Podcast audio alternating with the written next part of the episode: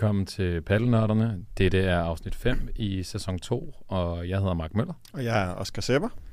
Og i dag er det den 11. september, og vi har et uh, aktuelt afsnit, og det betyder, at dagens agenda ser således ud. Vi skal omkring de internationale resultater og nyheder, og det gælder jo også på den uh, nationale scene. Og så har vi fået et uh, fedt lytterspørgsmål fra Oliver Larsen, Mm-hmm. som kommer til at præge øh, dagens afsnit, hvor vi skal ligesom lave en Frankenstein-spiller med de bedste egenskaber fra øh, diverse internationale spillere. Yes. Både herrer og måske damer. Nu må vi ja. Se, hvem vi er mest øh, inspireret af. Og så har vi en øh, paddelprofil. Mhm. Det er jo øh, musen, eller supermusen. Og øh, de dygtige paddelspillere og paddelnørder, de ved jo, hvem det er, men dem, der ikke er helt sikre på, hvem den spiller er, kan lære ham bedre at kende senere i afsnittet. Yes. Og så har vi en udfordring. Vi er jo ja. Stadig bagud med nogle, med nogle udfordringer, Ja. men øh, vi skal snart i, i hallen, og vi er jo begge to næsten skadesfri nu. Ja. Klar? Det går stille og roligt bedre. Øh, tænker om øh, et par uger, to uger, så er det tæt på 100% igen. Præcis. Men ja. Ja. vi er tilbage på banen, vi træner, vi har trænet i dag, og jeg synes, det går øh, bedre og bedre. Det kan godt være nogle gange efter en pause, men når man kommer tilbage, man er så begejstret, man er så glad, man spiller godt, og så kommer man i gang med sådan the daily grind, og får måske følelsen af, at ah, det går ikke lige så godt, som jeg godt kunne tænke mig. Ja, hvorfor siger du det? Ja, men det, det er jo ikke øh, kun, når jeg kigger på dig. Det er lige så meget, når jeg kigger på spejlet øh, ja. Ah, og, og snakker om mit eget spil. Ja. Ja. Jeg havde en udendørs session i går med Emil Domela, min øh, køndige marker, yes. og øh, i Reggae Club Tostrup, og jeg var mildest talt heller ikke helt begejstret for, for mit Nej. eget niveau, men man, jeg bliver nødt til at lægge de her timer i, i udendørs paddle, fordi det, det er en vigtig del af ens øh, paddelmæssige udvikling, og flere internationale turneringer bliver altså spillet ja. Ja. udendørs. Ja. Ja. Hvordan har det været for dig at komme tilbage på banen? Jamen sådan, øh, det har været lidt en blandet fornøjelse, kan man vel sige. Øhm, sådan første gang, jeg kom tilbage og spillede ordentligt med sko på igen, jeg har været uden øh, sko på i fire uger eller sådan noget, øhm, der havde jeg sådan set rigtig god feeling. Måske jeg har stået og feedet så meget, havde vi en snak om, at det har givet mig rigtig god feeling. Jeg har stået og givet en masse undervisningstimer øh, de sidste fire uger. Øhm, så jeg havde helt vildt god feeling med bolden, men kun i nogle aspekter af spillet. Jeg øhm, synes især nede bagfra fra defen var det rigtig godt. Øh, jeg synes min volley så knebet lidt, og timing på overheden har også knebet lidt. Så øh, vi bevæger stille og roligt over mod det, og så øh, trænede vi noget glasarbejde i dag, og øh, det var vanskeligt, lad mig sige det sådan. Det var, ja, det gik ikke så godt, og øh, havde lidt temperament og blev lidt sur og sådan, men øh, Jeg tror simpelthen, vi var begge to lidt overambitiøse i dag. ja, ja, At, at som, du selv, Primært mig. som du selv siger, du har spillet rigtig godt på det sidste, og vi har begge to en klar vision af, hvilken retning du skal udvikle dig i som Mhm. spiller, og vi vil gerne putte ting på så hurtigt som muligt, og der er det primært øh, trænerens øh, opgave at sætte Ja. ja. udvikling i scene, og der, der tror jeg godt, vi begge to godt kunne have været lidt, øh, lidt skarpere i dag, men vi Ja, ja. tog ja. en kort snak efterfølgende, og Ja. så må der blive justeret til, til næste ja, træning. der er ikke andet for. Men øh, vi er snart tilbage igen på 100% begge to, så det ser vi frem til. Vi er i hvert fald tilbage på banen, og, Ja. ja. og andre, der også er på banen, det er jo de internationale øh, paddelspillere, som nu kommer under samme turneringsstruktur. Yes. Hvad er det for en nyhed, jeg også skal se? Jamen det er jo Premier Paddle har opkøbt World Paddle Tour, og øhm, det bliver så en stor organisation startende fra 2024. Så vi kører sæsonen og kalenderåret ud som World Paddle Tour og Premier Paddle hver for sig, og så bliver det ligesom en enhed her for 2024. Det er jo noget, vi virkelig ser frem mod, og noget, vi har kaldt på rigtig, rigtig, rigtig længe. Yes. At der kommer en international struktur, at der Mm. kommer en verdensrangliste, og at vi kan få skabt noget professionalisme omkring den sport, vi elsker. Mm. Og så er det jo FIB, det er Qatar, det er spillernes øh, organisation, der står bag her, øh, Premier Paddle, Ja. og sørger for ligesom at opkøbe World Paddle Tour, så det hele det merger. Men FIB står jo også bag,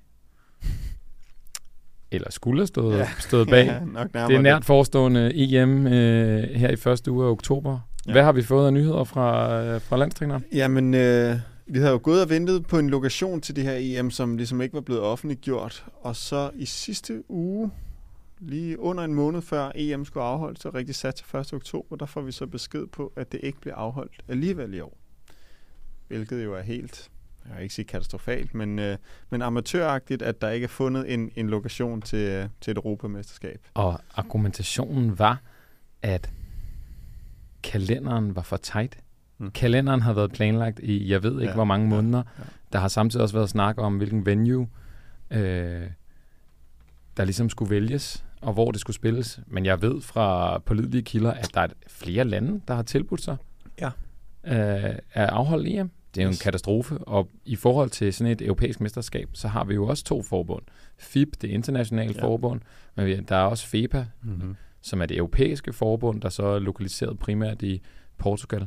Så nu skal vi til et andet EM i første uge af november. Hvad er det for noget råd? Ja, det er mega, mega amatøragtigt, og det er også sådan lidt pinligt. Jeg ved ikke, om det er pinligt for os spillere, men når jeg er gået og fortalt om, at jeg skulle spille EM og sådan noget, Nå, men, hvornår er det? Om det er 1. oktober. Nå, men hvor er det henne? Ja, det ved jeg ikke, sagde jeg så til at starte med. Så en ting er, jeg ikke vidste, hvor det var henne, hvilket lyder super uprofessionelt. Men at jeg så nu med en måneds varsel siger, nå, jeg skal ikke spille EM alligevel, det bliver aflyst. Det er simpelthen utroligt, at det kan lade sig gøre. Og nu har vi fået at vide, at det bliver en gang i det nye år. Ja. De sigter efter april. Hvad er Nå, det for... Er det det? Ja. Det er det, jeg har læst i en pressemeddelelse, hvor at, øh, fra det svenske medie Paddle Direkt, der har fået fat i øh, en af cheferne i FIP og stillet ham nogle øh, kritiske spørgsmål. Ja. Og jeg ja. håber, at det her betyder, at der bliver ændret noget struktur i FIPs ledelse, at ja. tingene bliver planlagt bedre. Jeg havde jo har jo allerede fortalt lidt om European Games, og også hvordan tingene sejlede der fra FIPs side. Ja. Øhm, så vi håber, at øh, der kommer mere og mere styr ja. på sagerne. Ja, det skal der gerne. For sammenligner man med alle mulige andre sportsgrene, så kender du EM-lokationer øh, et år i forvejen, hvis ikke mere, eller et halvt år i hvert fald i forvejen. Ikke? Så øh, satser på, at der bliver hanket lidt op i, i det øverste i FIF, og der kommer lidt mere styr på det og, og struktur. Det, det håber vi. Og et sted, hvor øh, paddle vokser, øh, som i Danmark, det er jo i Finland.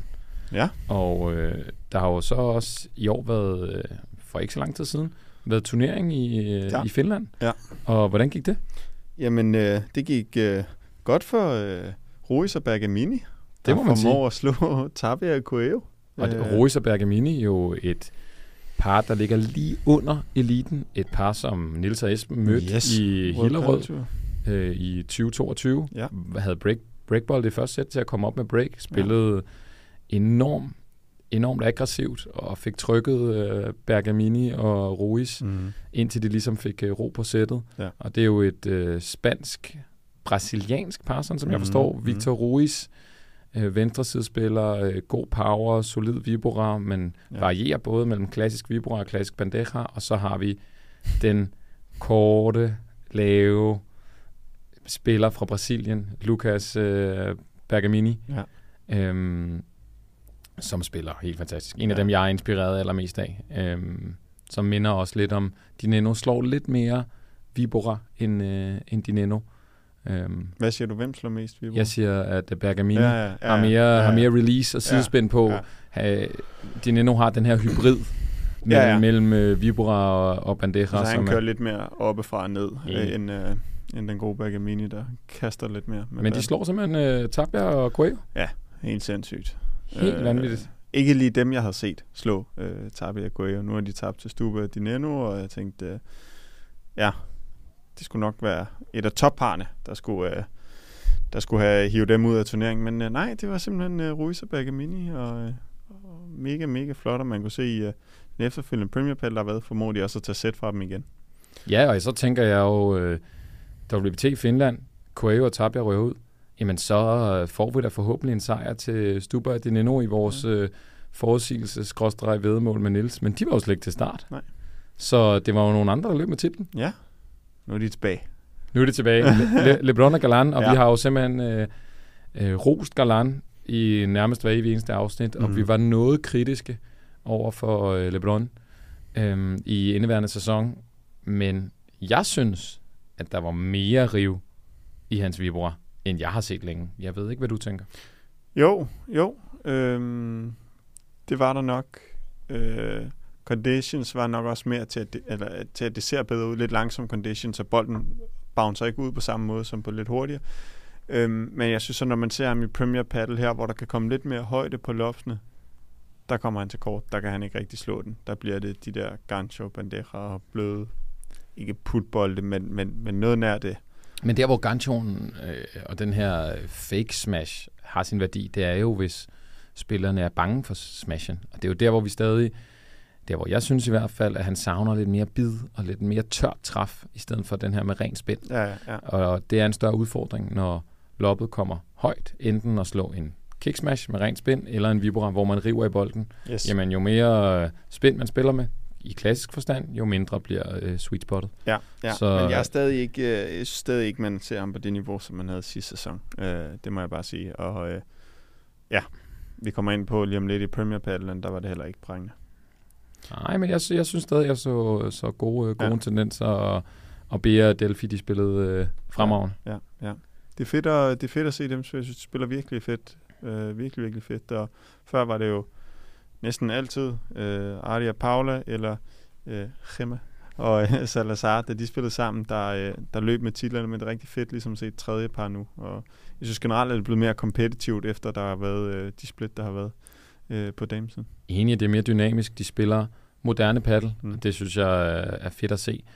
Øh, jeg kan godt, selvom jeg er en højre spiller, der spiller relativt langsomt, som tilskuer synes det er lidt kedeligt, hvis det er fire spillere, der spiller ultra slow. Yes. Så det her med, at der er noget dynamik i spillet, at der er nogen, der måske spiller mere tålmodigt, nogen, der spiller mere aggressivt mod hinanden, Mm. det synes jeg som tilskuer er en fornøjelse at se på. Men jeg så også derfor, jeg synes, det er så fedt at se Bea og, og Delphi, de spiller lidt hurtigere end, end den helt klassiske langsomme hele tiden. Så øh, jeg synes virkelig, det er, det er meget mere seværdigt, end, øh, end noget af det andet bliver. For eksempel synes jeg, Arti, det kan blive lidt langhåret at se nogle gange. Hun er venstrespiller, hun spiller meget langsomt og meget det samme tempo hele tiden. Og, altså det bliver, bliver sgu lidt ensartet at se på nogle Og, gange. og det ja, er derfor, vi har kaldt lidt på, at øh, Paula måske øh, finder en ny marker på et Mm. tidspunkt, så det kunne blive endnu mere eksplosivt og endnu, Ja. mere, endnu mere farligt. Og, øh, og det håber vi på, at øh, det står i stjernerne, og at det sker, det sker i fremtiden. Og så kan man jo faktisk også,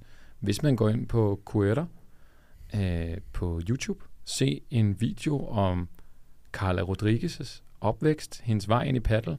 Og hun har jo til en turnering ikke kun øh, deltaget i samme turneringer som LeBron, men også spillet kryds over for Arti, dengang hun spillede venstre. Dengang ja. Carla spillede venstre. Ja. Det er jo meget sjovt. Ja, ja jeg tror ikke, hun nævnte ikke så meget om resultatet. Nej, men det, Bare at hun havde spillet mod hende. Præcis. Ja. Så, så det er jo meget, det er, det er meget sjovt, og Mm. du har, har også haft fidus til en god ven af huset, øh, John Sands, Mhm. mm-hmm. i hans nye makkerskab, makkerskab med Cognito, og mm. de viser jo forbedring De fra kommer altså i turneringen. semifinaler og finaler, og øh, jeg synes, de gør det virkelig godt. Det må nok være en af de par i verden, der er sværest at lave point på. Altså, når de er i zonen, så er deres defensiv helt vildt god. Altså, som i sindssygt god. Jeg synes, de mangler lidt pondus i offensiven, de mangler lidt tryk og lidt... Øh, men øh, i defensiven, outstanding. Ja, jeg, er- jeg er helt enig, og jeg synes, at den måde, de bevæger sig på, vi har snakket lidt om deres hurtighed, det er en, øh, det er en fornøjelse Ja. ja. at se på. Og så har vi John Sands maskeringer i defensiven, Kokos maskeringer i offensiven. Ja. Om de kan nå hele vejen, det er jeg lidt skeptisk overfor, men, men jeg synes godt nok, at øh, de har et solidt niveau. Det må jeg indrømme. Ja, ja. Så har der været Enig. lidt, et, par, et par nye par. Du har Ja. jo sn- snakket nævnt øh, et par, som du gerne så splittet, og det er jo sket. Ja. Og hvad er det for et par? Det er Momo og Sanjo, Ja. som jeg synes i lang tid har man kunne se, især Sanjo har virket opgivende, hvilket han jo har tendenser til at gøre i de fleste markedskaber. Han Efter Han lidt ender tid, i- normalt er, Ja, han, ja. normalt er han tændt i starten. Enig, enig, enig, men, men tit synes jeg, man ser det der med, at løsnen den fader og fader, så, så godt galt. Og jeg synes, man kunne se, øh, når de begynder at, at lave det her med, at Sanjo, øh, når han saver, øh, og saver fra venstre side, at han løber lige ud, frem for at løbe over til sin højre side, der tænker jeg, at nu er, nu er de simpelthen tabt sutten. Nu, hvis Sanjo skal til at spille venstre, så... Øh, Han er det ikke var ligesom et desperationstegn, synes jeg. Ikke? Ja. At, at, der var intet, der fungerede, så nu bliver vi nødt til at skifte side. Så kan vi Vi- sige, så er der altså noget... Øh, Vi så det også hos Theo og Paquito, når man Ja. sætter spørgsmålstegn Ja. sådan noget, og, Ja. og vi har jo kaldt længe på, at øh, Momo kommer i højre, men jeg kan ikke se, at Sanjo skal i venstre. ej, det kan jeg godt nok heller ikke. Ej, det kan jeg Så det virker, øh, det virker på desperationens rand, at øh, de ja. hiver sådan nogle træk op af, op af hatten. Ja, ja. Så Sanjo, han skal jo til at spille med et familiemedlem nu. Det er, jeg tror, det, jeg tror, det er hans fætter. Det er hans min- nevø, Ah, snakkede jeg det er- med, med Carla om i dag. Fordi jeg var nemlig lidt usikker, om det var fedt eller nevø. Jeg spurgte, det var nevø, sagde hun. øh, Augustin Gutierrez. Det har de jo gjort en eller to gange før i starten af Premier Paddle-karrieren, Ja, hvor at NOX-spillerne øh, var, var blokeret, og det betød jo, at hans daværende partner, Tapia, mm. ikke, øh, ikke kunne spille turneringen. Ja. Det er ikke rigtig noget, jeg tror på.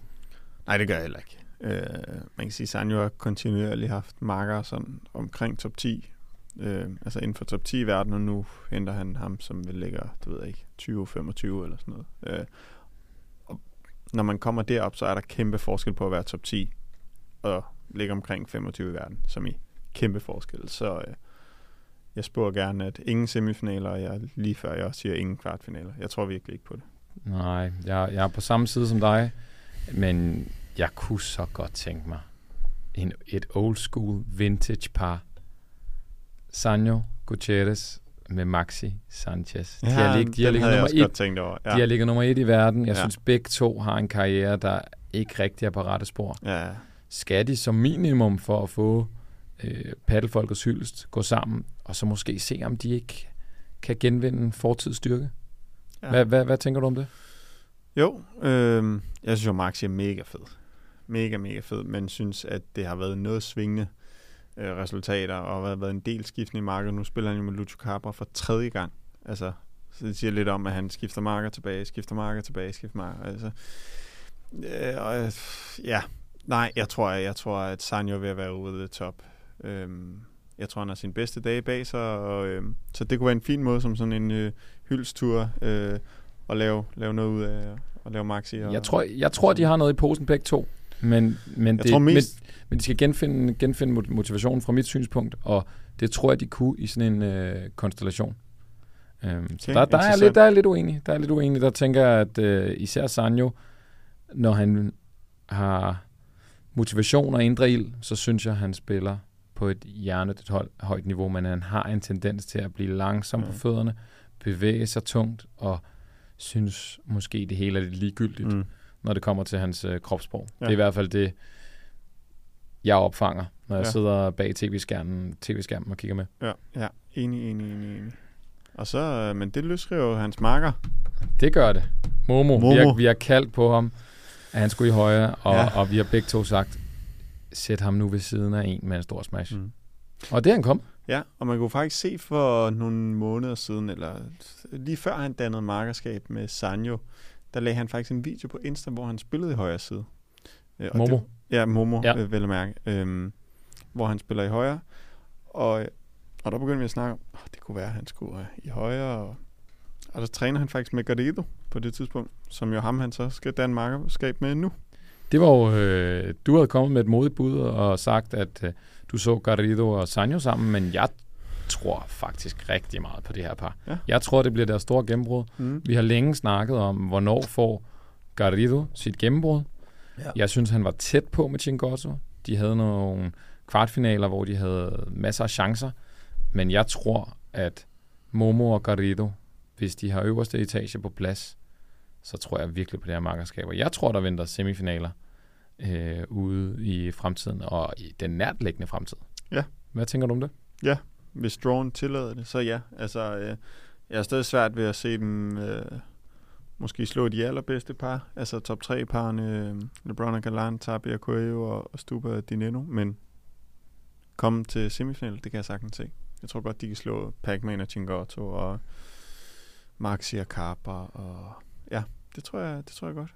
Ja, det, jeg har i hvert fald stor fidus til dem. Ja. Og øh, du sagde til mig, inden vi skulle optage i dag, at øh, noterne til Premier Paddle-turneringen, dem havde du nærmest lavet på forhånd. Ja, det havde jeg jo faktisk øh, lavet på forhånd. Øhm, fordi at det blev lidt sent, og jeg lægger jo min, øh, min skærm væk tidligt. Og øh, så tænker jeg, "Ved du hvad, jeg tager, jeg tager en chance, og så skriver jeg, skriver jeg noterne ind nu. Så jeg skrev, øh, Ardia Paula vinder på kvindesiden, og Tabia Coelho vinder på herresiden. Og det var det, der skete. No, no shit, Sherlock. Ja. Øhm, Pac-Man og øh, Chingotto, tredje Premier Paddle finale i træk, tror jeg, hvis jeg ikke tager fejl. Mhm. Mm-hmm. Øhm, så de har sådan sporadiske, rigtig gode øh, resultater, men øhm, jeg synes, det ligner nogle gange på Kito, han taber sutten, og det ikke lige går efter hans hoved. De er op med break i første sæt i finalen, bliver breaket tilbage, og så er det som om, at så, øh, tænker hvad, han hvad, lidt taber de, derfra. hvad taber de? 7-5-6-1? Ja, et eller to igen, det kan jeg ikke huske. Ja, Ja, men ja, altså, ja, Der blev de renset godt af. ja, ja, ja og der er han opgiven, der, så, så der er det give hånden, mens han kigger den anden vej, og ja, der har han, der har han stået af for længst. Lidt ærgerligt, for jeg synes jo virkelig, at de ellers viser, som du selv siger, nogle gode resultater, mm. og det er svært at 100% forudse og dermed også vide, hvor spillerne ligger internt i forhold til hinanden, når der er så mange turneringer, mm. og når der er de store, vigtigste turneringer her, Premier Paddle, dem med flest penge, Mm-hmm. øh, pengepræmier, så er det jo som om de bedste par, de lige strammer sig lidt an.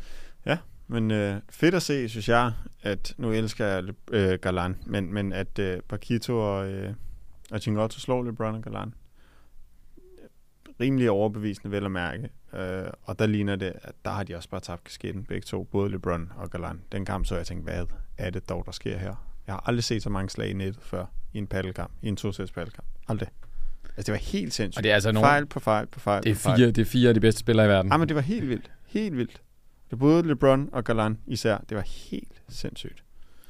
Men øh, ja, jeg tror, øh, Galan ser ikke altid så glad ud. Øh, han er rimelig hissig i fryseren nogle gange, og øh, har en marker, der efter sin skade ikke har, har samme smash, som man har haft før. Så øh, jeg tror, han er lidt frustreret af den situation, han står i. Vi har tidligere postuleret, at Galan måske er den med den bedste mentalitet mm. og mentale kundskaber på den inter- internationale paddlescene, men det virker som om, at nu er dråben, der får bæret til at flyde Ja, ja, over, kommet. Præcis. Han har skulle holde til så meget i sit makkerskab med LeBron.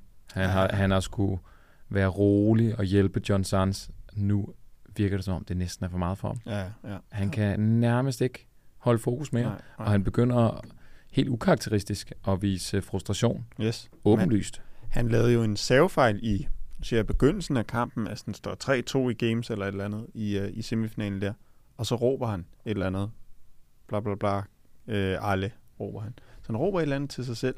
Altså vi snakker 6. game i kampen, og der var han allerede på uh, semitilt. På semitilt, Ja. ja. ja, hvis, man kan, hvis man kan kalde det det. Ja, Men det, det, er, det er interessant, og vi, man aner jo ikke, hvad der ligger bagved. Er der noget skader? Er der nogen øh, relation imellem dem?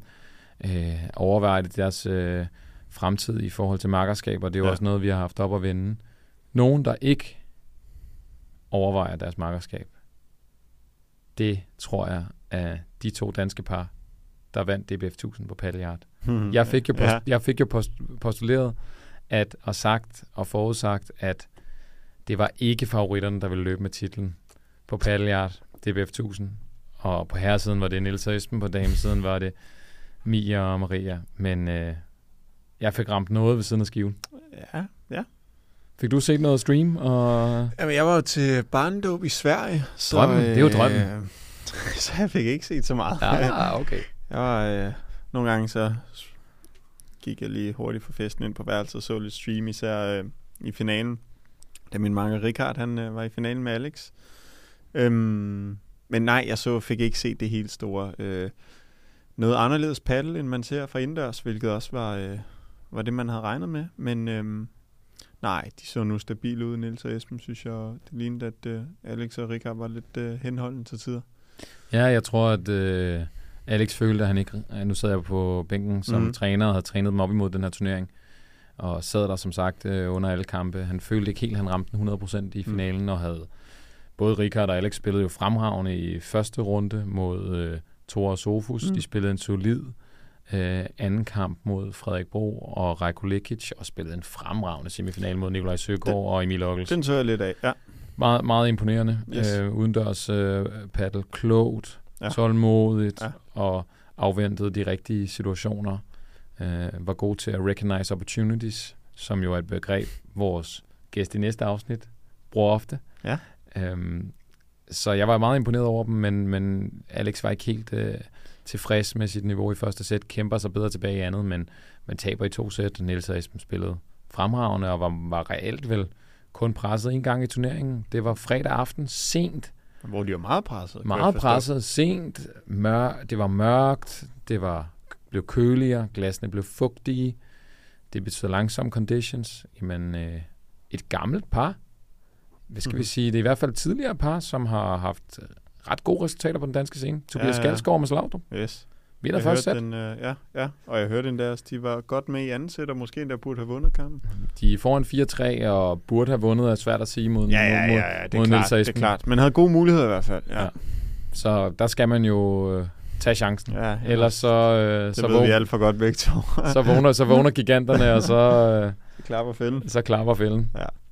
Og så øh, kigger vi jo begge to frem mod slutningen af september, hvor at, øh, der er DBF 1000 i Skjern, hvor vi begge to deltager. Ja. En sidste ting måske i forhold til paddleyard var jo damerækken, hvor vi så øh, Gitte Haksen også spille lidt i højre. Mm-hmm. Nu ved jeg, at hun har haft nogle udfordringer med albuen, så hun skulle ikke trykke lige så meget. Øh, hun kan bruge sine hænder og sin finurlighed, men øh, jeg synes jo, hun hører hjemme i venstre. Ja. Det ved jeg ikke, øh, hvad du tænker omkring. Jamen, jeg fik jo som sagt ikke set så meget. Jeg gad egentlig godt have set det, fordi at, øh, jeg tror sådan set, hun har fine forudsætninger for at spille højre. Øh, hun skal bare især have trænet defensivt, tænker jeg. Det er det, der plejer at struggle mest for folk, der går fra venstre til højre. Øhm, men det der finurlige spil, synes jeg kunne være øh, klæde hende meget godt i højre, faktisk. Mm. Øh, Hun, har jo, hvis, hun har jo øh, vanvittigt gode hænder. Ja, lige præcis. Så hvis øh, markerskabssituationen tillod det, og det kunne blive fast med Irene, så tænker jeg, at det, det kunne da måske være meget spændende at se. Ja. Mm.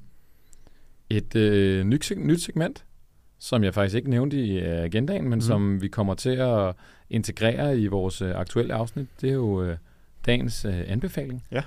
Du læser en masse bøger, jeg hører en masse podcast, vi bruger en, tester en masse udstyr af, vi tester træningsmetoder, styrketræning, øhm, og vi vil gerne anbefale øh, lidt forskellige øh, tiltag, vi har gjort brug af, eller ting, vi har læst. Så øh, dagens anbefaling, det er simpelthen bogen The Inner Game of Tennis. Og det lyder jo skørt, når at det er en tennisbog, som vi sidder og anbefaler til paddelfolket, men den handler om meget det mentale aspekt, og det her med, hvordan vi også sætter læring og udvikling i scenen på banen. Mm. Øhm, at forstå, at det her med at indlære motoriske bevægelser, handler meget om nervesystemet, og handler om, at når vi kommunikerer med nervesystemet, jamen, så er det følelser, det er sanser, det er visuelle billeder over den her logiske sans og evne til at dømme os selv.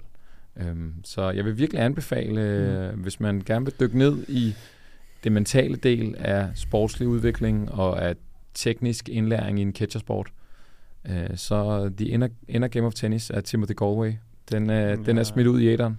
Jeg har haft den i, øh, jeg kan ikke huske, om jeg har haft den i, øh, i, øh, i kurven, eller om den bare har været på ønskelisten på Saxo, men jeg er faldet over den, har kigget ind, så det kan være, at det skal være, den skal med næste, næste gang, der kommer en bestilling af bøger. Ellers så har jeg et uh, slidt eksemplar, du godt må låne. Åh. Der er, den er blevet læst Nice. mere end to gange, Ja. kan jeg sige. Og så fik har, har vi jo fået et øh, fedt spørgsmål fra fedt. Oliver Larsen. Det var dig, der havde modtaget det? Ja. Og hvad var det for et spørgsmål? Jamen, øh, du var lidt inde på det tidligere. Øhm, han spurgte, om det var ligesom muligt at lave den, hvad kan man sige, ønskespilleren, drømmespilleren, du kalder den Frankenstein-spilleren, hvor man øh, ligesom siger, at vi tager og kigger på, hvem har vi af favoritter inden for de forskellige segmenter af paddle. Så hvem har den bedste smash, hvem har den bedste vibro, hvem har den bedste baghåndsvolley, forhåndsvolley og så, og så videre.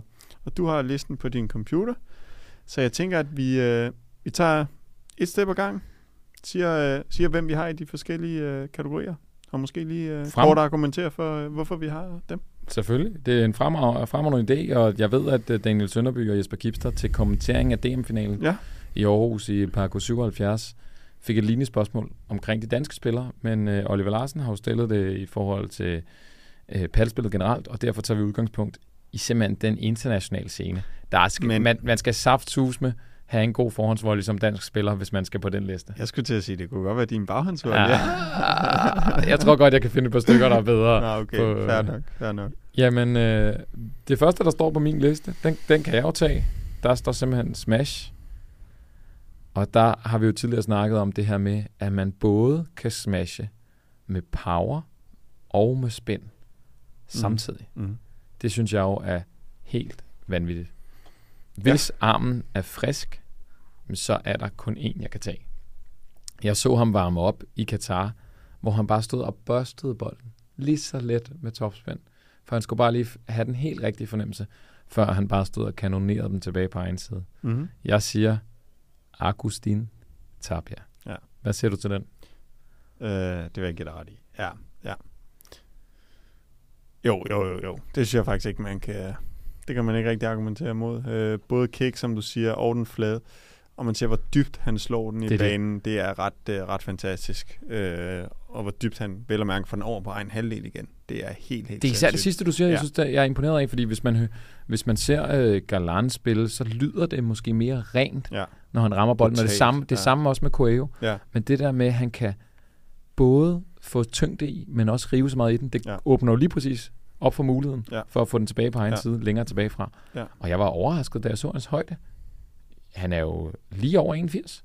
Ja, 1,82. Jeg tror, han er listet som 81 på Google, faktisk. Præcis. Ja, og han står altså og kører boldene tilbage på egen side. nede bag savlineren også. Så øh, jeg tror, jeg er en, øh, 81 på en god dag. så, kunne, så, så, kunne det, så kunne det godt være, at jeg skulle til at træne lidt mere smash, tænker jeg. Nej, det gør du også ihærdigt for tiden, ikke? Ja, i- Oscar han driller mig jo tit med, at øh, jeg på billeder lige går op på tær og trækker ja. t-shirten ind, ikke? Så, så ligner ser høj og 80. ekstra trænet ud. Ja, ja præcis. Det nej, net- det må jeg give dig. Det næste, jeg har stående, det er, det er Vibra. Mm. Hvem har verdens bedste Vibra? Shit, et spørgsmål. Mm. Ja, ja, skal jeg komme ind? Ja, det tænker jeg.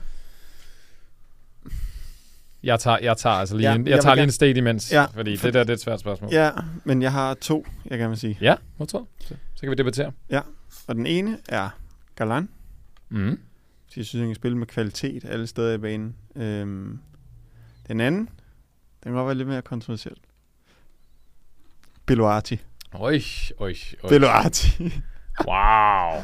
Hvad hedder han? Juan Cruz Beloati. Det er et Ej. Vanvittigt bud. Ja, men øhm, Jeg har jo faktisk spillet kamp mod begge to. Ja. Og jeg kan sige, at Beloati har det, der nok vil være en klassisk Vibra. Vi har den her lave forberedelse med lukket bat, tæt på nakken. Mm. Han, han river, river i den med så meget sidespænd. Jeg spillede mod ham i Pro Paddle mm. i en opvisningskamp øh, i finalen. Jeg spiller med Au- Augustin Selinko mod Esben Hess.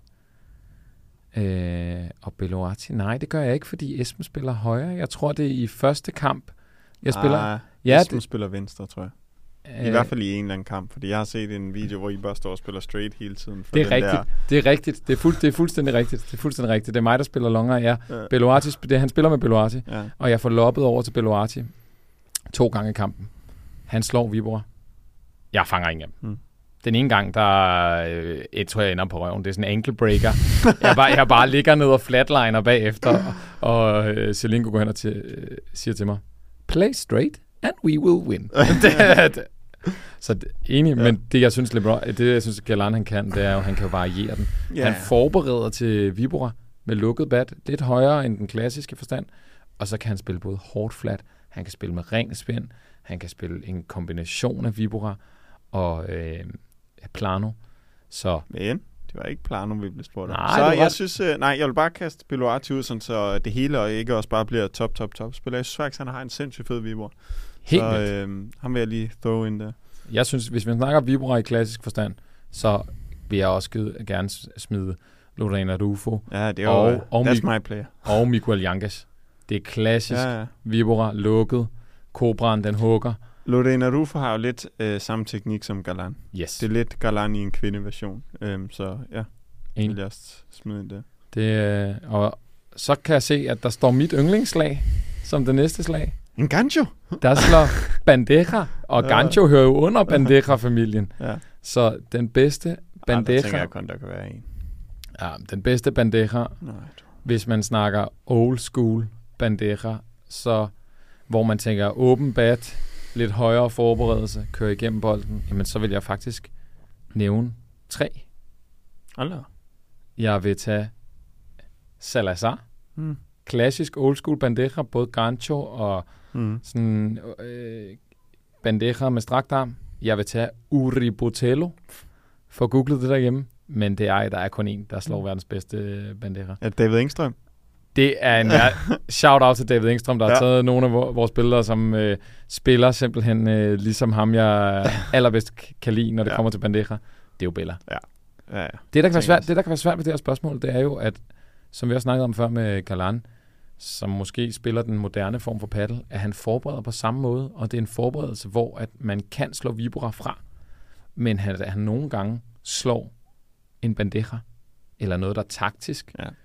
virker som en bandeja, Ja, selvom det er måske brød. teknisk øh, mere er en øh, Ja. vibora-teknik, og det er jo også derfor, det gør det lidt svært at snakke om mange af højresidespillerne, slår de klassisk forstand bandeja, eller slår de vibora, så hvis vi er i klassisk forstand, som jeg synes kan være smukt, det, så er jeg på Salazar, Uri Botello, men kongen over dem alle. Bella. Enig, ja. Enig. Og David Engstrøm. Og, Ja. David, og, og David Engstrøm. Den- Ja, modtaget. Ja, jeg trænede David i dag. Det var... Han slår også en fed bandeja. Det må jeg give. Så har jeg den næste slag, der står. Det er simpelthen Rollo. Det vil sige, den her, det her slag, hvor man nærmest laver en anden serv i tennis. Man, man børster bolden med lidt topspænd mod øh, hegnet. Kryds især for en øh, venstresidespiller eller en venstrehåndet højresidespiller. Hvem har du på Rollo? Stuba. Ah, Okay, okay. Er det, er det udelukkende Stuber, eller er det Seberchuk? Altså Ja, en kombination Sådan af en Oscar Seber. hybridspiller, det kunne det godt være. Ja. Ja. Nice. Ej, øh, ej, den må Stuber tage, tænker jeg. Øh, jo, det er Stuber. Han kan slå den fra alle steder på banen, dybt kort i banen. Han kan, han kan også komme ind over midten af banen og spille den. Så det der med, at han er så fleksibel i, hvor han kan spille den, og så spiller, rammer han den bare lige, hvor den skal sidde hver gang. Så jeg har, jeg har Stuber, helt sikkert. Det, jeg synes, der er imponerende med dem, der slår en enormt effektiv rolo, som du også gør, det er jo det her med, at når vi slår med meget spænd, så bliver sweet spotet mindre. Men man kan simpelthen høre det, når folk de rammer den rent med meget spænd. Det har en helt speciel lyd. Når Stupa han rammer sin rolo, når Paula Rosemaria rammer sin rolo, det lyder jo altså fantastisk. Mm. Og en helt anden lyd, end når man slår rent på bolden. Ja, ja. Har du andre øh, gode øh, roloer ude i paddelandskabet? Altså, øh, jeg har to, jeg måske lige vil nævne. Der er Coelho, som jo slår den nogle Enig. gange, og så er den så effektiv, fordi at folk nogle gange øh, er ude af position, øhm, så han kan fange folk på den. ja, fordi han nærmest Fordi han faker er en smash. under bolden hver gang, lige præcis. Øhm, og så synes jeg, en, der slår den med sådan rimelig meget riv i en gang imellem, det er Paquito. Mm. Nogle gange så twister han altså bare håndledet, og så giver han den fuld riv og kører, kører øh, rulloen i hegnet. Øhm, han slår den ikke lige så tit, så øh, jeg vil stadig sige Stuber, men jeg vil lige øh, putte ham ind også, fordi jeg synes også, han slår en rigtig fed, en rigtig fed rullo. Jeg kunne rigtig godt tænke mig at få Paquitos bat på en vægt. Jeg har på fornemmelsen, selvom han har brugt håndled på den her måde, at det er rigtig tungt. Ja, det tror jeg også, det er. Det tror jeg også. Det er næsten som om, han ikke gør noget, at Ja. battet nærmest svinger sig selv. Ja. Jeg tror altså, vi, øh, vi er højt i, i antal gram, og vi nærmer os måske 400. Ja. Det går der jo rygter om, at, at flere af spillerne tidligere var, var op i den vægt, Ja. men på grund af de mange turneringer nu Yes. er gået ned igen. Men jeg der går, lå omkring 93 plus, det har jeg nemlig også hørt Ja. rygter om. Det er jo, øh, ja, interessant. Og at LeBron var helt nede i sådan noget 365 på et tidspunkt, fordi at øh, det døde med armen. Det, det, er jo, det er jo rygter, men der er Ja, ja, tit, øh, når der er røg, er der tit også øh, ild, så, som man siger. Nice. Det, det næste, jeg har stående, det er jo øh, Barada. Ja. Og der går jeg kontroversielt på den. Nu vil du dele den op. Ja, man kunne dele den op i klassisk Barada Ja. og øh, Kuchia, men det gør jeg faktisk ikke. Mm-hmm. Jeg vil gerne nævne øh, en svensk spiller. Okay. Svensk mester. Kæmpe, kæmpe overraskelse, at de vinder det svenske mesterskab. Nå, what? Med venstre side, af, venstre side Adam Axelsson, men det er ikke ham, jeg nævner. Jeg, jeg nævner Christoffer Persson, Ja. en lidt ældre træner. Han bliver kaldt Top Gun. Vi har jo trænet med ham nogle gange. Ja. Han har så god en øh, parade, at man hellere vil op for kort ja. til bandeja, vibora eller smash. Det gjorde vi jo Barada. bevidst, da vi trænede mod ham. Der Og det vi, virkede Vi jo. lopper bare for kort. Ja, ja. Vi fik hævet et par sæt i land mod øh, Ja. ja. den svenske mester ved simpelthen at loppe højt og kort. Der er vist sådan, de fik sådan en, Øj, tror jeg. en seks, øh, det, det er jo sådan, så vi er oppe i øh, Lydinge og træne med øhm, nogle af de bedste svenske spillere, og hans daværende marker, Alexander Regner, og vi får vundet først sæt 6-0. Mm. Og jeg tror ikke, de var tilfredse med det. Nej. Det var sådan, så vi fik en invitation et par uger senere. Ja. Kommer I ikke lige til Malmø, fordi vi har vist lige noget, vi skal ordne. Og der, øh, vi spillede tæt med dem, men der, der løb de altså med Ja. sejren. Der var de godt nok tændte, og der var ild i øjnene.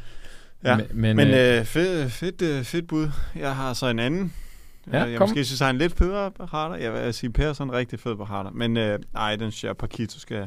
Når han slår den Couture med Ja. fuld smadre, så er det øh, usammenligneligt. De kaster, han kaster battet. John Sands er begyndt på det samme ja. Ja. i han, med hans venstre hånd. Ja, ja. Og klassisk ligger den mest sådan, aggressive Barada, ligger jo til venstresidespillerne, eller de venstrehåndede spillere, fordi de har den her forhånd inde i midten. Øhm, når jeg træner Barada, når Carla træner Barada, så handler det jo mere om placering, maskering, og så en gang imellem, så hugger vi. Men, øh, men jeg tror, jeg synes virkelig, at der er nogle af venstresidespillerne, eller de venstrehåndede, der slår den her mo- moderne Barada, ja. Ja. kaldet Kuchia, mm. Som minder om en vibor. Ja. Ej, jeg synes, Paquito, han er outstanding der. Ja, og han tager jo et skridt frem. Det gør John Sands også. Når de ja. Kaster den der, så tager de bare et skridt ja. Frem, hvilket egentlig bryder reglerne i den taktiske paddle ABC. Men øh, ja, det er, jo, det er jo bare sådan der. Ja. Jeg har forhåndsvolley stående. Mm. Hvad siger du til det? Jamen, der har jeg to. Ja, kom med dem. Galan, Tung, tung, tung forhåndsvolley. og så øh, har jeg Tabia. Ja. Tabia har jeg jo nogle gange øh, set noget video på, øh, hvor han træner. Og på et tidspunkt så pausede en af hans videoer, da han træner, hvor han træner forhåndsvolley, fordi jeg synes, det ligner godt nok, har et lidt stort sving. Og da jeg stoppede videoen, der var jeg i tvivl, om han skulle til at slå en vibro eller en forhåndsvolley. Når han har læst bolden, og den kommer blødt, så har han sådan et aftræk, at man ikke drømmer om det. Og Det han er rammer helt bare, om bag hovedet og rammer sweet spot. og han rammer bare sweet spot. Ja, ja, ja, det ja, minder lidt om, om Juan Martin Diaz, ja, den ja. gamle spiller, der har lykket nummer 1 i verden 30 Ja. år i træk. Han havde jo det, den største forhånds Ja. volley forberedelse. Mm-hmm. men har jo nærmest aldrig i sit liv misset et træf. Nej. Bryder, bryder alle regler i forhold til, hvad der egentlig burde være mere kontrol i, i forhold til tekniske bevægelser. Ja. Hvor man foretrækker en kort forberedelse, og så er det mere gennemsvinget, man gør længere, når der er tid til rådighed. Ja, men øh, en af de to. Jeg vil måske sige Galan, faktisk. Ja, jeg ved det. Jo, hvis jeg skal vælge en, Galan. Jeg tror, at på forhåndsvolley, der går jeg på kvindesiden. Og jeg går til Danmark. What? Ja, hvis, jeg, hvis jeg siger, den forhåndsvolley, der lyder allerfedest, når hun rammer bolden. Hvis man lukker øjnene, og man så hører hende ramme øh, forhåndsvolleyen, så har jeg aldrig nogensinde hørt noget så clean. Der er cut, og der, der er effektivt. Selvfølgelig er det ikke den bedste Nej, nej, men i jeg verden. går, jeg bare sige, jeg går ikke så tit og lukker øjnene i paddelhallen, så jeg ved ikke lige, hvordan... Øh... Okay, ikke når du ser damepaddle, eller hvad? nice. Nej, der, der skal det være. Nej, øh, jeg vil sige, øh, Mar- skyde på... Nå. Ma- Maria Rasmussen? Ja. Altså, sindssyg forhåndsvolley. Der er så clean cut i den. Det, det synes jeg er helt vildt. Der får lige give et shout-out til øh, tekniske kompetencer, og det kan altså godt holde internationalt niveau, selvom det er Danmark. Og kvinderne har i flere tilfælde rigtig, mindst lige så god teknik som herrene. Der er selvfølgelig noget power til forskel, men øh, Ja, enig. den, vil jeg, den vil jeg smide i puljen. Ja. Så har jeg stående baghåndsvolley. Ja. Så hvem skal, vi, hvem skal vi gå ombord i der? Der vil jeg faktisk sige to af de samme, som jeg sagde. Der vil jeg sige de samme som forhåndsvoldning, faktisk. Det vil du, det vil du sige? Ja, jeg så Tapia, når Tapia cutter ned i midten, giver ikke særlig meget rebound fra væggen. Øhm, og det samme gælder Galan. Det er bare så brutalt, kunne jeg forestille mig, Ja. at stå overfor. Jeg, jeg, jeg er helt enig, men en, jeg synes, der har enormt undervurderet volleys, og som også har enormt undervurderet baghåndsvolley, det er en spiller, som primært bliver anerkendt for sin defensiv. Martin Dinino. Hans volleys, de er så tunge mm. Og velplaceret, og der er så meget cut. Mm. Og nu kan vi fortælle øh, lytterne, for dem af jer, der ikke har prøvet at spille med sådan internationale topspillere, det er, det er nærmest deres volleys, man bliver presset Ja. mest af. ja. Altså den evne til at holde en ret kompakt bevægelse, og så med, med et løst albueled og et, en, en god timing, jamen, man kommer under Ja, ja, så meget pres, og man føler, man skal loppe på et tidspunkt, man ikke burde loppe, og man bliver i tvivl om, man skal tage den inden eller efter, og kan jeg overhovedet bruge bagvæggen, fordi der er så meget kort i, øh, og en, der har undervurderet volleys, og dermed også en baghåndsvolley, der vil jeg sige øh, Martin Dineno. Når vi snakker volleys på damesiden, hvem synes du så, der har exceptionel volleys på den internationale dameside? Jeg kan godt lide uh, Beas, Beas volleys. Mm. Også fordi jeg synes, hun øh, kan variere med noget stopbold en gang imellem, hvilket øh, ikke er så tit, man ser det på kvindesiden. Mm. Så øh, Speer har de fedeste volleys. Jeg synes faktisk, øh, hendes makker, Delphi, har rigtig, har rigtig godt cut i. Jeg er jeg er helt enig i, Bea har mere x-faktor, kan Ja. noget mere, spiller lidt mere uorthodox. Delphi, hun spiller bare. Du kan jo godt lide en høj, god højre side. Ja, men hun spiller så clean. Det er jo, ja, man, kan godt, man kan fedt. godt se, at hun kommer ud af en paddelfamilie, fordi det er så skolet. Ja, ja. Det er bare højre sidespiller, hvor at Garland måske er den mest skolede venstre sidespiller. Ja. Det er nærmest til perfektion, de forskellige bevægelser. Ikke? Ja. Så har jeg øh, stående grundslag nede bagved. Hvad, hvad har du på der? Ja, Galan. Ja, det er jo nærmest Galant. kedeligt. Det er nærmest kedeligt, Galan. men det, men ja, det er jo... Han er, som du sagde, han er den mest skolede. Han er, som jeg nogle gange har sagt også, han er nok i mine øjne den mest komplette spiller. Så øh, jo, nede bagfra, han, der er bare tyngde i. Jeg ved, at der var en, øh, en vis her Møller, der har svært ved at holde volleys nede i, øh, Shit, shit, shit. Jeg havde ondt i i... Øh, altså, vi, vi har jo spillet med to, som har nogle helt syge fladeslag. Øhm, jeg har jo haft fornøjelsen af, af Galan, og havde ondt i skulderen, da jeg skulle stå og holde hans, hans baghåndslag fra ja. Defensiven. Vanvittigt. Men vi er også godt nok røget i, i maskinen en gang på diagonal. Ja. Da vi spiller mod en, hvor han nærmest bare kun holder boldene flade, og han kører os rundt. Selingo. Mm. Den her evne til med sin baghånd Ja. og rulle den over i hegn. Nej, det var helt sygt. Det var helt sygt. Der Men fik det- vi altså på munden. Det, det må man sige. Og, og som vi jo også prøver at forklare mange af de spillere, vi træner, fundamentet til paddle, jamen, det er de flade slag, og det er flugtningerne. Det er ja. Det, vi bliver overrasket gang på gang, når vi kommer ned til øh, internationale topspillere. Ja. Flade slag og flugtninger. Ja. Det er noget helt andet. Ja. Det er tungt, det er Mhm. skarpt, det er præcist. Mm. Og noget, Ja. vi, noget vi også har set godt øh, effektivt på diagonalen, nogen virkelig excellerer i, det er jo øh, benarbejde. Og hvem ja. Synes du har det bedste benarbejde? Det var et par, vi var inde på tidligere. Der vil jeg sige dem begge to. Det er Kogi og John Sands. Det, det er vildt benarbejde. Ja, rigtig, rigtig vildt. Trommestikkerne. Præcis. Og man kan sige, at det er nogen, der bruger mange flere kræfter. De har jo ikke så lange ben.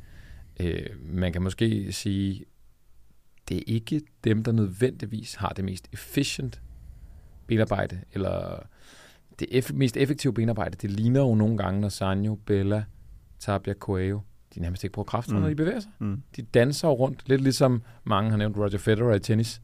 Ikke brugt særlig mange kræfter. Jamen så, øh, så øh, synes jeg jo, de bevæger sig enormt effektivt, men det hurtigste benarbejde ja. Og den hurtigste evne til at flytte sig fra A til B. Yes.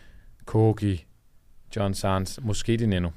Ja, Men jeg synes, de andre er hurtigere. der er en fantastisk video inde på øh, shoutout Frederik Sangil, fotograf. Enig. Øhm, han har en fantastisk video af, af, Sa- øh, af Sangil, øh, af John Sands, Mm. filmet nede bag fra øh, hjørnet, øh, hvor man simpelthen ser helt close-up John Sands benarbejde, og det er ret fantastisk. Så øh, det vil jeg klart anbefale. Gå ind på Frederik Sangils øh, Instagram-profil og tjek den, øh, tjek den video ud, og alt hans anden gode content. Mega, mega godt content og en, og en klasse video. Jeg tror også, også han blev hævet direkte til World Paddle Tour ja. Ja. i Paris, efter de havde set den video. Ja, den var ret fed. Og hvis man vil se, hvor, hvor langsom jeg er i forhold til John Sands, så har jeg også en video på min Instagram, hvor vi kører samme øvelser, vi træner sammen. Og det, der er ikke ændret på speed. Det ligner jo bare, at han er, hvad ved jeg, Ja, 10 km i timen hurtigere. Det Ej, ser helt sygt ud. Ja, han er vild. Ja, de to, øh, de to gutter der. Imponerende. Så har jeg bedste, bedste lop, og den, den, den griber jeg, den bold med det ja, samme. kom ind. Altså, jeg har to, der lopper helt sygt. To argentiner. To argentiner, Mm. to, der spiller old school. Mm. Vi har Dineno og Bella. Ja. Det er helt vildt. Ja. Og noget af det, som Mauro Andrini, som jo har opfundet Hello Paddle og vokset op i samme by som Bella, trænet med ham siden, øh, siden de var små. Bella træner lop som ingen andre. Det er jo noget, de fleste paddelspillere ikke ynder at træne, gider at træne. Så øh, der må være noget i vandet i Argentina i forhold til lop, og jeg vil rigtig gerne have producer Erik med ud på en paddelbane og se, hvor godt han lopper. Det kan være, at vores udfordring på et tidspunkt skal... skal det. præcis. Og så vil jeg faktisk også sige shout-out uh, Gus Hansen. Enig. Gus uh, er rigtig god til nogle gange at uh, simplificere tingene og gøre spillet simpelt, fordi som du siger, der er rigtig mange, der oh, så vil man træne vibrer hele tiden, når man vil træne det ene og det andet og det tredje. Hvor Gus er meget den skole og køre det basic, og han sagde, at han synes, jeg burde træne noget mere lop på et tidspunkt, hvilket jeg synes giver vildt god mening. Øhm, fordi man lopper så meget, og det er bare så vigtigt få en kvalitet i det, fordi det kan ligesom vende hele spillet og, og, og loppe godt. Så, Præcis. Øh, Og igen, out Gus. enig, og jeg vil vende tilbage til det, vi snakkede om før.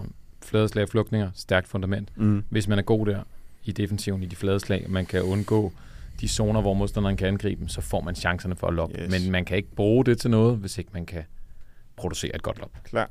Så det, det er vigtigt. Det sidste, der Ja. står på, det vil jeg gerne høre dit uh, take på, og det er maskeringer. Det vil sige det her med at nærmest snyde sin modstander mm. med den forberedelse, man laver, og så måske i sidste sekund skifte mening, Mm. og så lægge bolden et andet sted, end det, man har givet udtryk for. Det er jo primært i defensiv, man gør det. Jeg synes, øh, Kogi han øh, ynder at gøre det i offensiven. Især tran- transi- godt. transition volleys. Ja, ja, lige præcis. Øh, tit med at lægge vægt et sted og gå øh, og lægge bolden til den anden side. Noget, Ja. man, noget, man normalt ellers ikke anbefaler. Nej, det skal man ikke, øh, hvis man ikke har trænet den helt del. Ej, der, har, der har vi jo en bødekasse, Øhm. ja. at hvis man, hvis man lægger stopbolde mod bevægeretningen, Ja. så, og misser, Det er dyrt. så, så skal man altså chip til Movie Games bødekasse. Ja. ja. Nej, øh, jeg vil tage to højre sidespillere, og jeg vil tage en venstrehåndet og en højrehåndet. John Sands, jeg er helt sindssyge maskeringer. og øh, Juan Leblon. ja. Og jeg, jeg, jeg hælder til det sidste. Ja. Vanv- vanvittige maskeringer. Ja. Altså, nogle af de slag, jeg øver mig på, som dig og Alex I står og griner af, det er jo inspireret direkte af, af Juan Lebron. Ja, Og når gabet det bliver åbnet, så vær klar derude, så er der maskering. Vil Eller når Richard han siger, and now, And now. så sker der også ting og sager. Det kan I Ja. godt øh, være klar til derude. ja, ja, jeg vil sige, jeg hopper lidt mere i den, når jeg ser LeBron gør den, men, øh, Ja, men du spiller fedt. Du spiller fedt. ja, ja det, er- det er mere munden. Jeg tror, jeg skal have, jeg skal have, jeg skal have testet de der, øh, øh, det der mundtape, du har, du har lånt mig, til når jeg Tag spiller. det med på banen. Ja, ja, det går jeg, så bliver jeg forceret til at trække vejret gennem næsen, og så kan du ikke læse mine maskeringer. Ja, præcis. præcis. Jeg ved ikke, øh, hvad der sker med vores øh, kærlighed øh, til Argentina i dag, men paddelprofilen, Mm-hmm. Dagens og afsnittets paddelprofil, er jo også fra Argentina. Yes. Et af de navne, min kæreste, hun kender Ja. på den internationale paddelscene, og også en spiller, hun godt kan lide, Federico Cengotto. Yes. En kæmpe, kæmpe legende, en lille, lille fyr, som spiller højre side, højre håndet, ja. slår den her moderne overhead, som forbereder som en vibora. Teknisk er ligesom en vibora, men bruger den jo taktisk som en bandeja. En enorm dygtig spiller, Mm. men stadig undervurderet. Ja. Måske den mest undervurderet. Ja, jeg vil... det kunne han godt være. Ja, ja. For det ser jo ikke ud af meget. Altså også når man ser en statur, jeg ved ikke... Han er ikke høj. Nej, han er på en god dag 71. Nej, Ah, hvor høj han er. det, på en, hvis han på en god dag er 71, så er jeg 1,85 på en god dag. Så bliver der Ja. lige bumpet 5, 5 cm Ja. på. Ej, han er ikke høj. Øhm, så han ser ikke ud af meget, og, og det han laver er jo heller ikke powerful slag og sådan noget, men måden han får vundet kampe på, øh, på baggrund af, af sine vinkler og sin spilintelligens, det er simpelthen, øh, det er virkelig, virkelig fedt. Og jeg fik lov til at se ham øh, live i Danmark, inde på i hal 1 og 2, eller i, øh, på bane 1 og 2, der øh, i den lille hal i Hillerød, hvor man kan sidde tæt på. Og det var helt fantastisk at sidde og se forreste række der, helt tæt op ad banen, hvordan han bevægede sig ned, især i defensiven. Det var outstanding, og hvordan han byggede spillet op til, at Paquito så kunne komme ind og afgøre det. Hans benarbejde, hans taktiske kompetencer, som du siger, ja. det er second to none. Ja. Enormt imponerende, og det er som om, han aldrig rigtig er ude af balance. Ja. Han står hele tiden det rigtige sted i kontrol, og, og, en, og en enorm solid defensiv. Han får nogle af de sværeste slag i defensiven til at se enormt nemme ud. Og så formår han jo øh, en lille anekdote også at lave en fed transition over i venstre side. Det er de færreste, der kan det.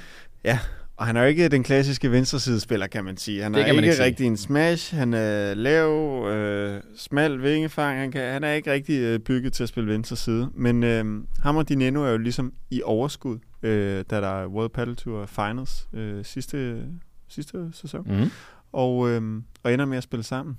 Og går jo faktisk helt i finalen, hvor de så taber til LeBron og Galan. Men hvor var det fantastisk at se et par, som alle troede vel nok ryge i første runde. Det var det, snakken gik på i Reggae Club. Åh, oh, har I hørt, de skal spille sammen? De ryger, og ditten og datten. Og hvor var det fedt at se, hvordan sådan to klassisk langsomt spillende spillere faktisk kan gå hen og så slå øh, næsten alle øh, af verdens bedste par.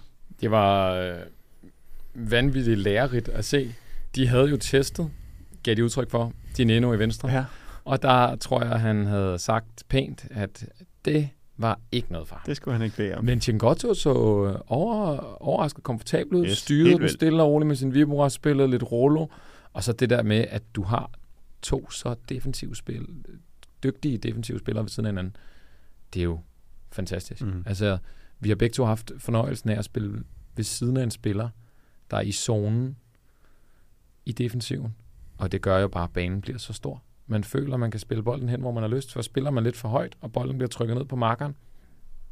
Markeren har fuldstændig kontrol over situationen. Ja. Tænker du på, når jeg har spillet med dig? Altså, så har, så har jeg lov til at spille med en, der har en rigtig god Ja, så siger, jeg jo til, så siger jeg jo til dig, at du stiller dig bare ud i nærheden af gitteret ud siden, og så Ja. har, jeg, har jeg resten af banen. Når så vi kommer frem, så skifter Så er vi. det omvendt. Så er det omvendt, ikke? Det er jo sådan, vi driller lidt hinanden med, Ja. ja. at, ja, Ej, men, at det øh, fungerer bedst. Ja, sådan er det, øh, har jeg haft, især når jeg spillede med, med dig og Richard, som har jeres forser i defen, at der kan man godt nogle gange slippe sted med at lægge den lidt højt i modstanders forhånd, fordi man ved, at uh, I kan pille. I kan pille. Ja, jeg har været lidt, øh, været lidt modig nogle gange i nogle store kampe, også til DM-finalen på nogle ret afgørende tidspunkter, hvor jeg går over til Emil og siger, bare spil den op i deres forhånd. De kan ikke, øh, de kan ikke gå ondt på mig. og så nogle gange, så spiller Emil den op i deres forhånd, og så laver de en vinder på mig Ja. med forhånden. Så er det altså lang, tung gang over i venstre side og sige, øh, undskyld bare. Sorry, sorry, Så- sorry. Ja, ja, det er fedt. Og så en anden ting, øh, når vi snakker argentinske spillere. Nu har jeg brugt meget tid med Mauro Andrini, Mm-hmm. en argentinsk træner, der har startet Hello Paddle Academy og kender Bella fra langt tilbage. Men han har også sagt, at i Argentina, der får du kælenavne Ja. efter din i gåseøjne grimmeste feature. Mm. Det er jo den måde, man, viser kærlig, kærlighed på. Og der er det jo en, lidt en kultur, kulturforskel. Så Ja. jeg har jo læst, at, at uh, Chingotto bliver kaldt El Raton. At, og det skulle være musen eller supermusen. Nu kigger jeg over på Det siger producer ikke. noget, noget, noget, noget, noget i den stil modtaget. Øhm, og det, det, synes jeg, det synes jeg er ret sjovt. Ja. Så mange af de danske kælenavne til spillerne er jo enormt positive ja. og Sit søde. på baggrund af deres styrker, og ikke? styrker. Der kunne vi måske godt Slam dunk. der kunne vi måske godt øh, opfordre til næste gang at prøve at kigge lidt ind i svaghederne, eller... Hvad skulle du så hedde? Ja, det ved jeg ikke. Det ved jeg ikke. Jeg synes, det er så svært at komme op med nogle svagheder. hvad, hvad, hvad med dig? Hvad jeg skulle hedde? Hvad skulle du hedde, Mr. Tilt? Eller defensiv. Det, det, ja, det, ja. Ja, det er Ja, rigtigt. ja tilt kunne, kunne jeg godt hedde. Ej, jeg synes, jeg synes det, var, det, var ret, øh, det var ret sjovt, da Mauri fortalte det. Jeg kunne selvfølgelig ikke lade være med at spørge ham, Mauri, øh, hvad så er dit kælenavn? Mm. Så blev han jo nødt til at udlevere lidt om sig selv. Og så forklarede han, at hans kælenavn, det var øh, henvist til, når han blev fuld. Altså gik han lidt ligesom sådan en... Øh, Slendre og sådan. slendrede, som om han ikke havde nogen knogler i kroppen, og det var det, hans kælenavn ligesom tog, øh, tog afsat i. Så øh, det, det, det, det var meget sjovt. Ja, ja, ja. Og så har øh, Chingotto jo været en del af et af sådan de mest fasttømrede par Ja. på, på World Padel Tour. Ham og, ham og Theo Ja. har været makker i et hav af år, Ja. og der var mange paddelentusiaster, der var kede af det, da de øh, Ja. gik fra hinanden. Ja. Jeg tror simpelthen ikke, det er sidste gang, de har spillet sammen. Nej, Det kan jeg ikke forestille mig. nej. Spørgsmålet, er, hvor at de det, spørgsmålet er, hvornår de skal spille, sammen Ja. igen. Har du et modigt bud på, hvornår vi ser Juan Theo og Federico Chingotto? Men med, den, med det tempo, der er i, uh, i skiftende markerskaber, så kunne det jo næsten godt være snart. Altså, uh, jeg vil så sige, at Theo og Ruiz kom dårligt start sammen, uh, men, men gør det rimelig godt nu, så jeg har svært ved at se det. Og jeg tror også, Chingotto er godt tilfreds med at spille sammen på Quito, så... Uh, men Inden for et år? inden for, ja, jeg skulle til at sige, inden for et halvt til et helt år, ja, Det tror jeg nemlig også. tror jeg godt, vi kan se dem sammen igen. Fordi øh, jeg tror, at bomben Paquito, Ja, ja. den springer snart. ja. Jeg synes virkelig, han spiller godt, men han er også på semitilt. ja Og jeg synes faktisk, at på både Ching-. Jeg synes både Chingotto og Theo har spillet rigtig, rigtig, rigtig godt på det Ja. ja. sidste. Ja. Ja. Så jeg tror også, inden, inden for et år, så ser vi måske, Ja. ja. øh, måske dem sammen, øh, sammen igen. Ja. Ja. Hvem ved? Der skal lyde en kæmpe tak til Oliver Larsen for det her Frankenstein-spørgsmål. nu er vi jo hoppet allerede videre og har været igennem ja. paddelprofilen. Men en sidste ting, der står på min liste Mm. til dagens afsnit, det er jo udfordring. Yes. Og det står jo desværre 3-0 Ja. til dig, og vi har jo nogle hængepartier. ja. vi har Hvor en du er store favoritter i. Ja, ja, det sagde du også inden de tre andre. Vi har en, en cross øh, med venstre hånd, Mm. vi har en serveudfordring, og så har vi jo også en kamp i bogen, Ja. hvor jeg skal spille med Daniel Sønderby Ja. mod dig og Michael Thomas, Ja. inden Michael Thomas skal på jordomsejling. Så Yes. det må vi jo hellere få gjort snart. Ja. Vi er jo skades, ved at være skadesfri, så vi er snart klar til at gå på banen. Så der skal, Ja. jeg skal have nogle point på tavlen. Ja. Men øh, Jeg har endnu Hvad- en, jeg gerne vil putte i puljen jo. okay, Mm-hmm. Så hvad kommer du med? Jamen, nu ser jeg tit dig øh, rende rundt i slutninger af træninger og smashe, og så løbe og lave øh, smash ud over træerne med baghånden og stopbold. Nå, du mener, ene du mener, du mener sangildslaget? Ja, præcis, præcis. Øhm, og ser dig altid få den ud over træerne, men har aldrig set dig få den ud over 4 meteren. Så, vi skal have en smash-off i baghåndssmash ud over 4 meteren. Så det vil sige, man smasher til sig selv, og så skal man Yes. vippe med baghånd Yes. ned i jorden, og så ud over, ud over 4 yes. meteren. Yes.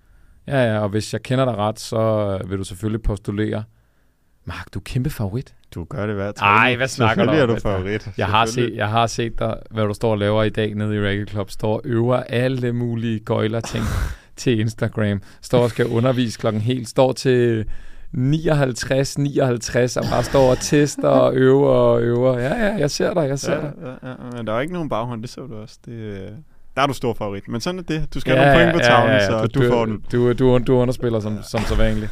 Der er ikke noget nyt under solen. Ja. Øhm, vi er enormt glade for de spørgsmål, vi får øh, Ja, fra jer lyttere, så bliv ved med at sende. Vi, vi gør alt, hvad vi kan for at komme igennem alle sammen. Hvis man vil have fat i os to, jamen så et godt bud, det er Instagram, Oscar underscore Sepper, Yes. eller Mark Move Your Game, og I kan selvfølgelig også få fat i os på mail, infosnablag moveyourgame.com. Har du mere at tilføje, før vi lukker af for dagens afsnit? Nej, det har jeg ikke. Ikke andet end det var, det var et sjovt, øh, fedt spørgsmål, som du sagde. Bliv ved med at sende de her spørgsmål. De er mega fede at tage fat i, og øh, ja, bliv ved, bliv ved. Og vi håber, at der kommer flere og flere paddelnørder i det danske land. Tak fordi I så og lyttede med.